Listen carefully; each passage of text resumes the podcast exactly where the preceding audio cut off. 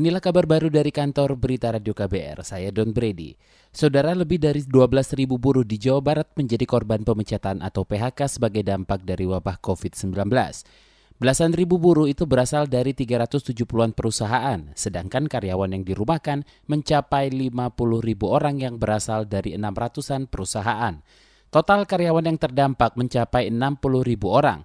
Sekretaris Dinas Tenaga Kerja Jawa Barat Agus Hanafiah menyarankan para buruh yang dipecat dan dirumahkan agar segera mendaftar ikut program Kartu Prakerja. Namun demikian, tidak semua masyarakat itu memahami atau memiliki fasilitas untuk daftar secara online. Maka Dinas Tenaga Kerja menyelenggarakan atau menyediakan layanan asistensi untuk kartu prakerja. Sekretaris Dinas Tenaga Kerja Jawa Barat Agus Hanafiah mengatakan kuota peserta Kartu Prakerja untuk wilayah Jawa Barat sebanyak 937 ribu orang dari total 5,6 juta jatah formasi nasional.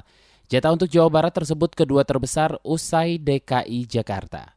Korps Lalu Lintas Korlantas Polri memberikan keringanan dalam kebijakan larangan mudik untuk alasan darurat. Kepala Bagian Operasional Korlantas Polri, Benyamin, mengatakan alasan darurat yang dimaksud misalnya ada anggota keluarga yang meninggal atau sakit parah. Masyarakat yang mudik harus bisa membuktikan yang meyakinkan petugas di lapangan terkait alasan pulang kampungnya. Misalnya ada hal khusus yang lain, misalnya adiknya, kakaknya meninggal misalnya ya. Tapi bukan karena Covid. Dan dia bukan memang bukan mudik, dia bisa menunjukkan bahwa uh, keluarga saya memang benar meninggal pak. Bukan karena covid. Kalau covid kan percuma juga dia ke sana juga nggak bisa juga. Tunjukkanlah untuk meyakinkan bagaimana.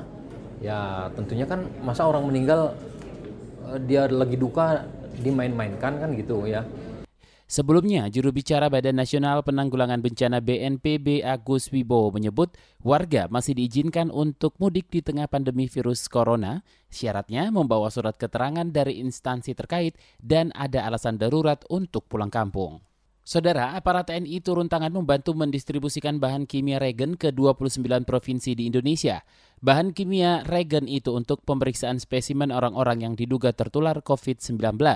Wakil Asisten Operasi Panglima TNI Jori S. Kolai mengatakan pemerintah mengirim 67 ribu regen PCR menggunakan sejumlah pesawat TNI. Kemudian pada hari ini juga sudah mulai didistribusikan untuk regen PCR dan RNI itu untuk distribusi ke sembilan provinsi. Hari ini sudah yaitu regen PCR ada berjumlah 67 ribu pieces, kemudian regen RNI itu ada 92.500. Kemudian untuk daerah-daerah lain juga rata-rata ada di 25 ribu sampai dengan 40 ribu APD dalam pengirimannya.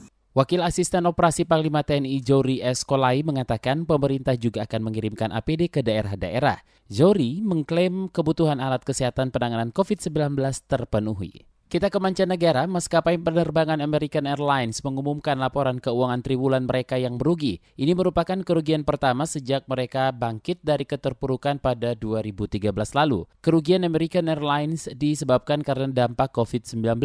Kerugian mencapai 70 juta dolar Amerika. Sementara itu maskapai Jerman Lufthansa berupaya mengurangi kebangkrutan dengan memotong gaji pilot. Mengutip Reuters, para pilot Lufthansa bersedia dipotong gaji hingga 45 persen selama dua tahun untuk membantu perusahaan menutup kerugian.